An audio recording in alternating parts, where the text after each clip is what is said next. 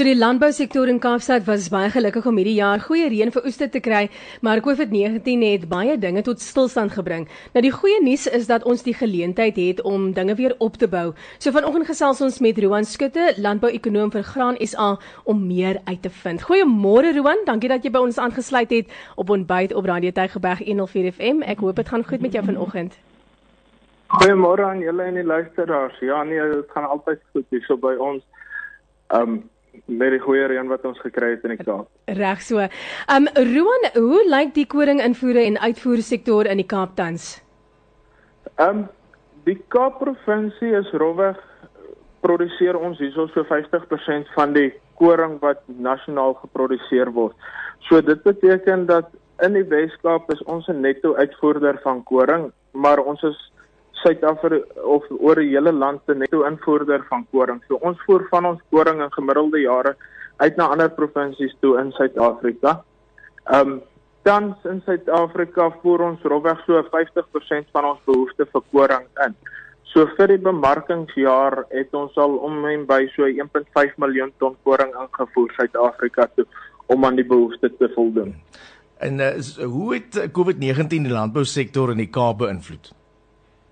Um, COVID-19 het definitief 'n invloed op landbousektor gehad. Die inperkings en die verbod op verkope van sekere produkte het sektore laer af in die waardeketting beïnvloed. Die invloed wat die inperkings op daardie sektore het, gaan wel 'n oorspoel effek hê terug tot op 'n plaasvlak. Hmm. Maar dit gaan eers in die volgende seisoen of 2 gesien kan word wat die werklike effek van COVID-19 op die landbousektor gaan wees. OK. Al die reën was nou verwelkom, maar hoe sleg is die droogte situasie in die Kaap? Ehm um, eintlik hoeveel jaar reën sal ons nodig hê um, om te stabiliseer hier in die Kaap? Ja, dit is dit is bietjie iets wat moeiliker is om te antwoord. Dit gaan mm. verskil van plaas tot plaas. Ehm um, elke ou se behoeftes is anders, maar die vorige 5 jaar was uitdagende jare met ondergemiddelde reënval in die Kaap gewees. En dit het veroorsaak dat produsente se kontantvloei geweldig onder druk geword het. Uh of onder druk gekom het. So dit gaan 'n paar gemiddelde jare wees wat produsente nodig het om te herstel van die droogte. Tans lyk dinge in die Kaap goed en goeie reën het oor die grootste gedeelte geval, maar die oes wat ons um tans op die lande sien is hoofsaaklik afhanklik van die September reënvals voordat ons weet daar gaan 'n goeie oes wees. Mm. So ons bid maar vir goeie reën in September. Dit sal klaar al help. En dan net laasens die pad vorentoe vir die landbousektor in die Kaap, ehm um, wat wat sal dit wees vir ons om weer op ons voete te kom?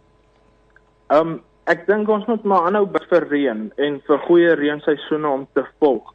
Uh produsente kan alles reg doen, maar as ehm um, as dit nie kom reën nie dan dan is daar net nie 'n oes nie. So produsente moet maar altyd optimisties bly en vir hulle self 'n positiewe omgewing skep. Ek dink dit kan die herstelproses baie makliker maak vorentoe.